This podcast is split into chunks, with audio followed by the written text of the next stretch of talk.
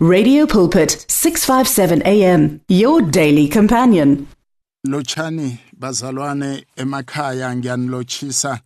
Namhlanje ekseni nilochiswa ngumfundisi uMahlangu olapha kwamhlanga iSun City AA nginilochisa ngisuka emhathweni omkhulu iRadio Pulpit ePretoria umnganakho wamalanga wonke namhlanje ehlelweni ikonzo ngifuna sikhulume msinya ngesihloko esithi ukubaluleka the importance of your mind ukubaluleka komqabango wakho noma kwengqondo yakho ingqondo yomuntu ibaluleke kakhulu ngendlela yokuthi angekhe sikhone ukuyichaza noma ngekhe sibe nawo amazwi ukuthi siyibeke izwakale ngaphandle ukuthi sifunde ezwini lenkosi. Lapha kuzaga 23 verse 7 ngizoyifunda ngelimi lesiyeni ngombana izwakala kuhle khulu. 4 as he thinks in his heart so is he. Njengoba umuntu aqabanga engqondweni yakhe unjalo ke licho njalo izwi lenkosi ngithi mina kuwe namhlanje ukubaluleka kwengqondo yakho. Ngqondo ibaluleke khulu ngqondo kufuneka ingazicontroli imicabango yonke engena engqondweni yakho kufanele kube imicabango ephathelene nozimo. Ngakho izwi lenkosi nawufunda incwadi kaJoshua 1 verse 8 lithi Joshua incwadi yomthetho ayingasuka emlonyeni akho zindla ngayo imini nobusuku. Bazalwana ingqondo zethu nasingazindli ngezwi lenkosi nasingazindli ngezinto zikazimu nasingazindli ngokuhle okuvela ekhaya ezulwini. Impilo zethu zizokuhlangahlangana ngoba ingqondo thatha izinto izifake izikhiphe ungacontrol noma ungakhoni ukukhetha ukuthi lokho okuqabangako nalokho okwenzako kuyamthokozisa uzimu na. Ngibawa sikhuleke msinyana sithokoze izwi lenkosi. Babe egameni elinamandla lenkosi ethu Jesu Kristu. Baba siyabonga izwi lakho. Esilifundile kulesi sikhathi. Izwi lakho baba linamandla. Izwi lakho liyadala okungekho kube khona. Izwi lakho baba nalikhuluma. Baba ligiriza baba liphule konke imisebenzi yobumnyama imisebenzi yombuso kaSathane. Nanamhlanje ke baba khuluma ngezwi lakho sikulalele sifuna ukuzwa wena egameni elinamandla lenkosi ethu Jesu Kristu. Amen and amen. Njengoba umuntu aqabange ehlizweni yakhe unjalo loyo muntu. Na uphikelela mzalwane nawe mlalela ekhaya phikelela njalo usebenzela uzimu ufunda izwi lakhe uhlala njalo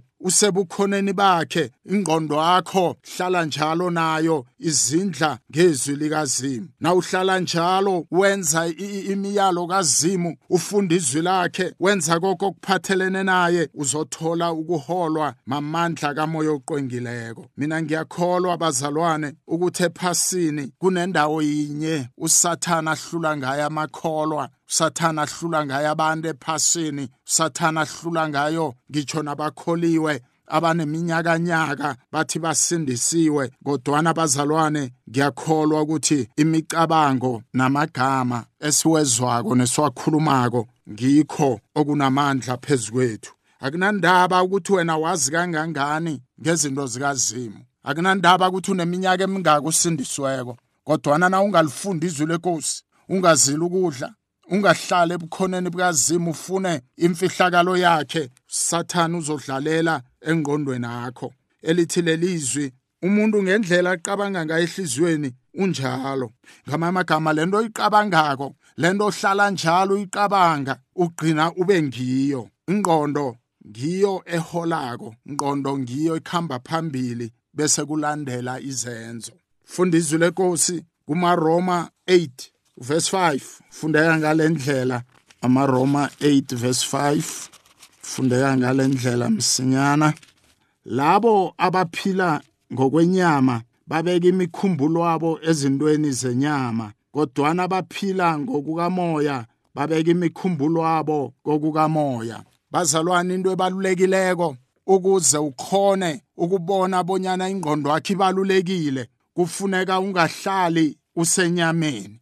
Into lesihlulako abazalwana abaningi ukuthi siphile ngeqiniso sikholwe nguzimu ngeqiniso singabuswa inyama izwi lenkosi esilifundayo lithi laba abaphila ngokwenyama imikhumbulo yabo isendweni zenyama kodwana laba abaphila ngomoya imikhumbulo yabo isezintweni zikamoya oqwengileko. Kubalulekile mzalwane ekhaya nawe mlaleli ukuthi wazi ukuthi ingqondo yakho ngiyo ekuholako. Ingqondo yakho ngiyo ekubusako. Ingqondo yakho ngiyo ekhamba phambili. Izinto osowuzenza zisuka engqondweni yakho wazivumela. Labo abakhamba ngokwenyama benza izinto zenyama noma banelisa lokho okufunwa inyama. Kodwana abakhamba ngomoya baneliswa noma banokufisa babeke nengqondo zabo ezintweni zikamoya. Bafuna lokho okwanelisa noma okwaneliswa mumoya oqwengileko. Izenzo zethu ngizo ezisukako bazalwane ziye engqondweni ethu noma zisenzise izinto okufanele singazenzi. Into yenzako mayina ingamthokozisa uzima uyazi ukuthi ithome engqondweni yakho into yenzako oyaziko nawe ukuthi ayisiyo but uyayenza ngombana ingqondo yakho ikukhomba lapho. Na unengqondo eqabanga njalo into ezimbi uyokuthola izinto ezimbi empilweni. Kodwana ngakwelinye ihlangothi na unengqondo ehlala njalo igcwele izwi likazimu uyohlala ulokuqale kuye uzimu. Nasifunda incwadi yamaroma 12 eh uvesi ngo2 ifundeka ngalendlela njeke bazalwane ngebanga lesihawu sakazimu ngiyanirabhela bonyana ninikele imizimba yenu ibe mihlabelo ephilako eqwengileko nethandekako kuzimu.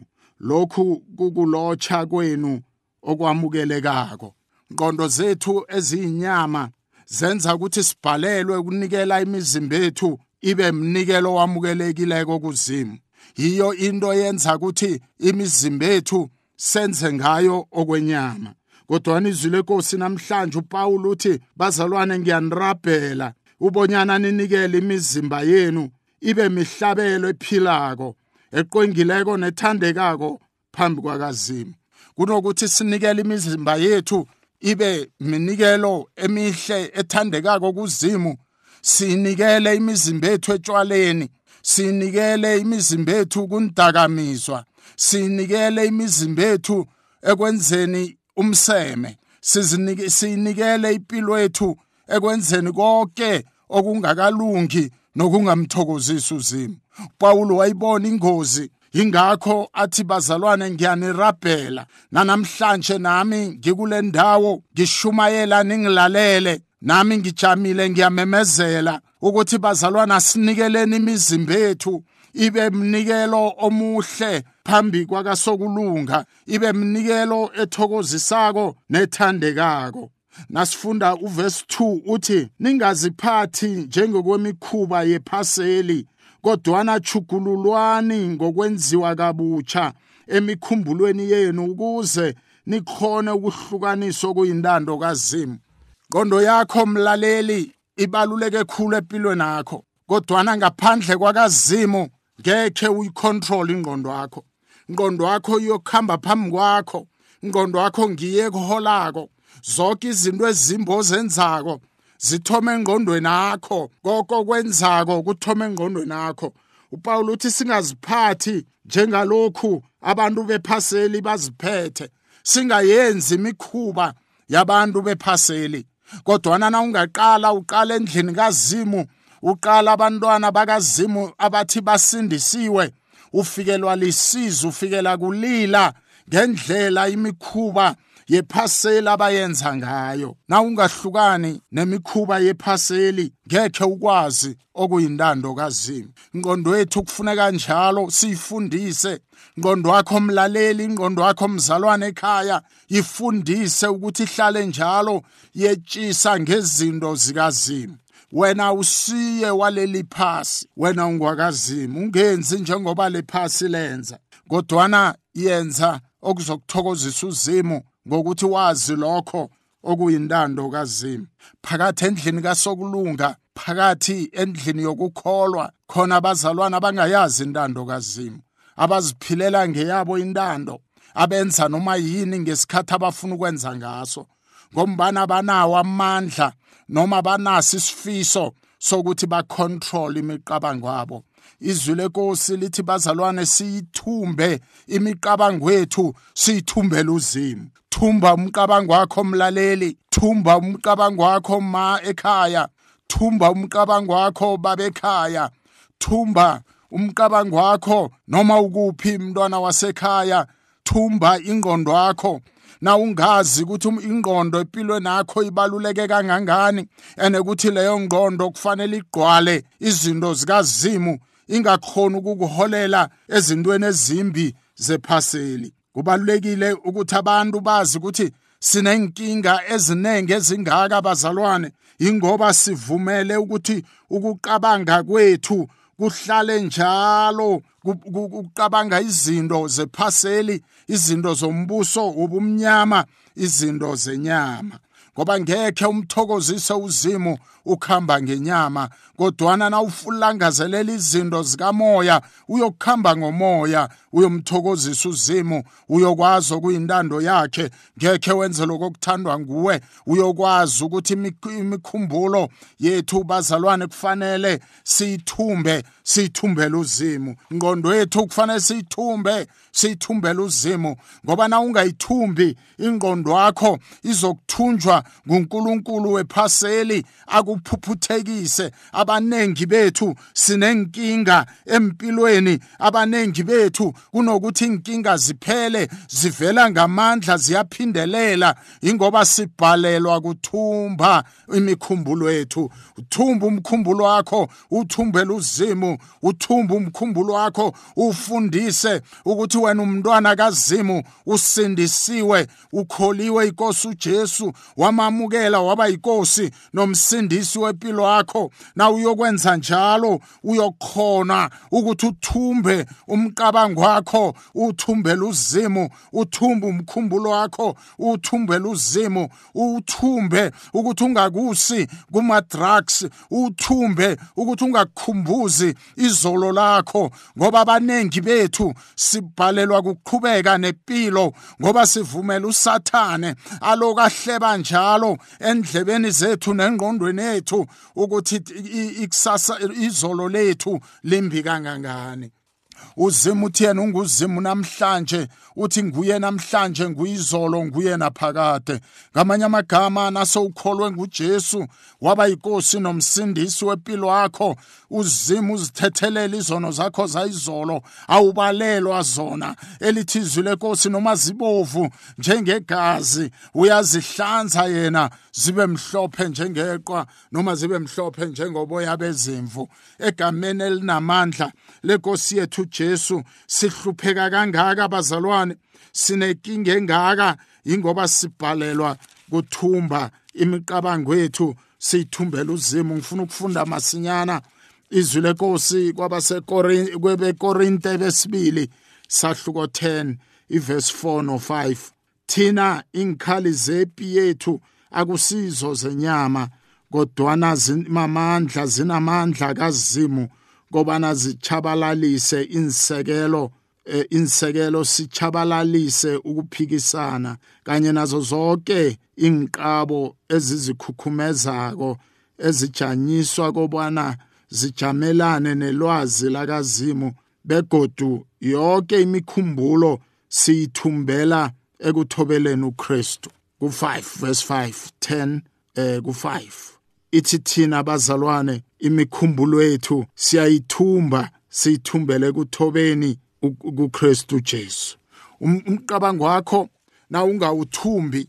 Umqabango wakho noma umkhumbulo wakho ungawuthumbeli uJesu Kristu? Uzoba nenkinga ngoba izwi likazimu angekhe likhone ukuhlala empilweni yakho. Namhlanje ngegama elinamandla lenkosi yethu Jesu ngifuna ukumemezela phezulu kwempilo yakho ngifuna namhlanje ukuphula lo moya owenza umkhumbulo wakho ungahlala ebukhoneni bukazimu. Ngifuna ukuphula lo moya owenza bonyana umkhumbulo wakho uhlala ugqwele izinto ezimbi ungakagqwali into zakazimu. Funa njengoba izwi lenkosi litsho lapha kwebekorinte lithi thina sithumba imikhumbulo wethu siyithumbele ekuthobeleni uKristu. Ngifuna manje ukukhuleka nalabo abathi mfundisi sizwile futhi siyazi ukuthi ingqondo yethu ibalulekile futhi ingqondo ngiyo mfundisi engenze ngaba la ngikhona ngoba zange ngiyithumbe ngiyithumbele uzimo khuleka nami mfundisi uzima ngenzela umusa. Ngifuna ukukhuleka nawe namhlanje ukuthi uzima kakuhelebhe lalela mlaleli ingqondo yakho indawo yepi kuyaliwa engqondweni yakho usathana ulwela ukuthatha impilo yakho athumba ikhaya lakho athumba abantwana bakho akubhubhise. uJesu Kristu ufuna ukuhlala e, e, engqondweni yakho akwenze wenza izinto ezihle ngomoya oqwengileko. Yazi ke ukuthi ingqondo yakho kuyaliwa kiyo kuyabangwa. It's a battlefield. Your mind is a battlefield. Hlala ukwazi lokho mlaleli ngiyathandaza. Egameni elinamandla lenkosi ethu Jesu. Baba siyabonga ukuthi ukhulume ngale ndlela. Sifundise baba ngemikhumbulo yethu. Sifundise ngengqondo zethu ukuthi ingqondo zethu baba indawo lapho kuliwa khona. Kukhona imicabango emimbi nemicabango emihle. Kukhona into zika sathane nendo zikazimo. Baba ngiyakhuleka namhlanje kulabo abangilaleleko nabezwa leli phimbo ngegama nangegazi lika Jesu khulekela ukuthi imicabango wabo ithunjwe ithunjelwe ekuthobeleni uJesu. Ithunjwe imikhumbulo wabo. Suswe kwenzeni into ezimbi. Khuleke ebukhoneni bukazimu. Gameni elinamandla lenkosi yethu Jesu. Baba senzele umusa. Thumbe baba ingqondo zethu. Usizithumbele uKristu. In the mighty name of our Lord Jesus Christ. Amen and amen. The words of the Lord are words of life. Your heart is on 657 AM 657 AM radio for believers in action